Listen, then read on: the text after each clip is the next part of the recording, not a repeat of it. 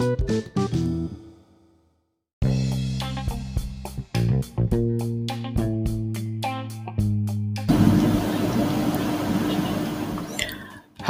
jumpa lagi dengan saya Christian Guswai. Anda mungkin bertanya bagaimana sebuah perusahaan bisa tumbuh menjadi perusahaan yang besar sekaligus bertahan lama. Apakah Anda pernah memperhatikan bahwa perusahaan hebat yang hari ini menjadi pemimpin pasar dan bertahan sekian lama memiliki suatu kesamaan, yaitu mereka memiliki visi, misi, dan nilai-nilai inti perusahaan. Pada tahun 2003, ketika saya memulai karir saya sebagai konsultan bisnis retail, saya berpikir bahwa tugas saya adalah menghantarkan ilmu, mengajarkan kepada klien saya hal-hal yang saya ketahui, supaya mereka bisa mempergunakannya di dalam menjalankan bisnisnya. Hal ini saya lakukan lebih kurang dua tahun pertama. Lalu saya menyadari bahwa masalah yang dihadapi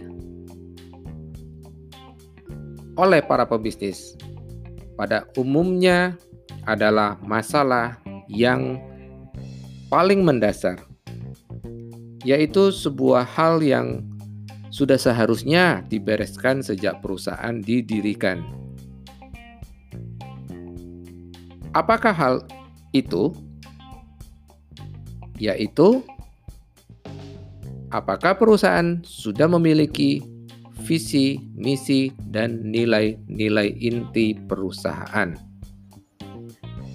Hal-hal ini pada awalnya saya duga sudah dibereskan oleh pemilik perusahaan atau pucuk pimpinan perusahaan sebagai syarat awal di dalam mendirikan perusahaan. Namun saya sering kali dikagetkan pada kenyataan bahwa sebagian besar dari klien saya yang pada umumnya berangkat dari bisnis kecil, dari bisnis tradisional, bisnis keluarga, bisnis yang dikelola suami istri, tidak memikirkan hal yang paling mendasar tersebut, yaitu memiliki visi, misi, dan nilai-nilai perusahaan. Barangkali pendengar podcast Retail Guru saya ini pun memiliki pandangan serupa, yaitu tidak paham apa kegunaan memiliki visi, misi, dan nilai-nilai inti perusahaan. Karena itu, saya ingin berbagi tentang apa itu visi, misi, dan nilai-nilai perusahaan, dan apa gunanya bagi perusahaan. Saya akan mulai dengan visi. Visi adalah gambaran tentang jadinya perusahaan kita di masa depan. Jadi seorang pemimpin ketika dia mendirikan perusahaan, hendaklah dia sudah menetapkan perusahaan yang didirikannya ini akan menjadi apa di dalam suatu periode tertentu. Bisa tiga tahun, bisa lima tahun ke depan. Mungkin ada pertanyaan, mengapa harus memiliki visi? Visi adalah arah besar dari perusahaan Anda. Anda sebagai pemilik adalah nahkoda kapal bisnis yang sedang Anda layarkan. Anda sedang berada di atas kapal bersama dengan orang-orang Anda. Tetapi pertanyaan yang paling mendasar, hendak dibawa ke manakah perusahaan ini? Maka Jawabannya dari pertanyaan tersebut adalah visi. Anda harus menetapkan visi sebagai arah besar ke mana kapal bisnis Anda akan Anda layarkan. Kedua, misi. Misi adalah alasan atau motif atau jawaban dari sebuah pertanyaan. Mengapa Anda menginginkan visi Anda itu terwujud? Dengan kata lain, misi adalah daya pendorong yang mengakibatkan Anda terus bergerak mencapai visi yang Anda inginkan. Misi adalah alasan terkuat yang mendorong Anda terus berjalan, terus berlayar dalam rangka menggapai visi Anda. Tanpa misi, maka perjalanan Anda kurang bertenaga. Dengan kata lain, misi adalah motor penggerak yang membuat Anda memiliki daya dorong yang membuat Anda tidak gampang menyerah di tengah kesulitan, di tengah hambatan dalam menggapai visi Anda. Berikutnya adalah nilai-nilai inti perusahaan. Apakah yang dimaksud nilai-nilai inti perusahaan?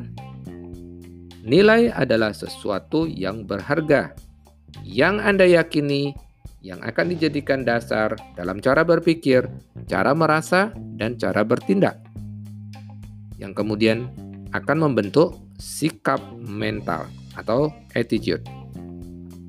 Anda tentu sudah dan seharusnya menetapkan nilai-nilai apa yang akan menjadi dasar dalam cara berpikir, cara merasa, cara bertindak di dalam menjalankan bisnis Anda. Ketika Anda ingin menggapai visi dan didorong oleh misi Anda, pertanyaan saya sebagai pengusaha, apakah Anda kerjakan sendirian? Jawabannya tentu tidak. Dalam mencapai visi dan misi Anda tersebut, Anda pasti membutuhkan bantuan dari orang-orang yang saat ini bekerja bersama Anda. Orang-orang yang Anda ajak bergabung ini datang dari latar belakang lingkungan keluarga yang Anda tidak ketahui. Sebagai pemimpin dari bisnis Anda, Anda pasti tahu perusahaan seperti apa, orang-orang seperti apa yang akan Anda ajak bekerja sama di dalam menggapai visi dan misi Anda. Pertanyaannya, mereka yang Anda rekrut dari latar belakang keluarga yang beragam belum tentu memiliki nilai-nilai yang sama. Mereka dibesarkan dari beragam latar belakang yang tentu saja membawa nilai-nilai yang diyakini yang belum tentu sesuai dengan nilai-nilai yang Anda anut. Ketika Anda mengajak mereka bergabung di dalam bisnis Anda, maka pastikan orang-orang yang ikut adalah orang-orang dengan nilai-nilai yang sama, dengan nilai-nilai yang Anda yakini. Bayangkan jika orang yang Anda ajak bergabung tidak memiliki nilai yang sama, maka akan gampang sekali terjadi konflik di dalam kapal bisnis Anda. Bagaimana mungkin anak buah dari kapal Anda yang seharusnya membantu Anda malah menjadi faktor penghambat karena memiliki nilai-nilai yang berbeda. Ingat, nilai-nilai yang dianut akan menentukan cara berpikir, cara merasa, kemudian cara bertindak. Mengajak orang-orang dengan nilai yang berbeda akan mudah sekali menimbulkan konflik dan menjadi kontraproduktif di dalam sebuah perusahaan. Karena itu, Tetapkan nilai-nilai Anda, kemudian pastikan Anda merekrut orang-orang dengan nilai-nilai yang sama. Maka lengkaplah bahwa sebuah perusahaan yang didirikan dan siap menjadi perusahaan yang hebat adalah perusahaan yang memiliki visi, misi, dan nilai-nilai inti perusahaan. Jika Anda belum memiliki ketiga hal ini, maka Anda harus memikirkannya untuk membuat, untuk menetapkan visi, misi, dan nilai-nilai inti perusahaan Anda. Di episode mendatang, saya akan mengupas lebih jauh cara membuat visi, misi, dan merumuskan nilai-nilai perusahaan. Demikian episode kita kali ini. Sampai kita berjumpa lagi di episode mendatang. Salam, grow, and prosper.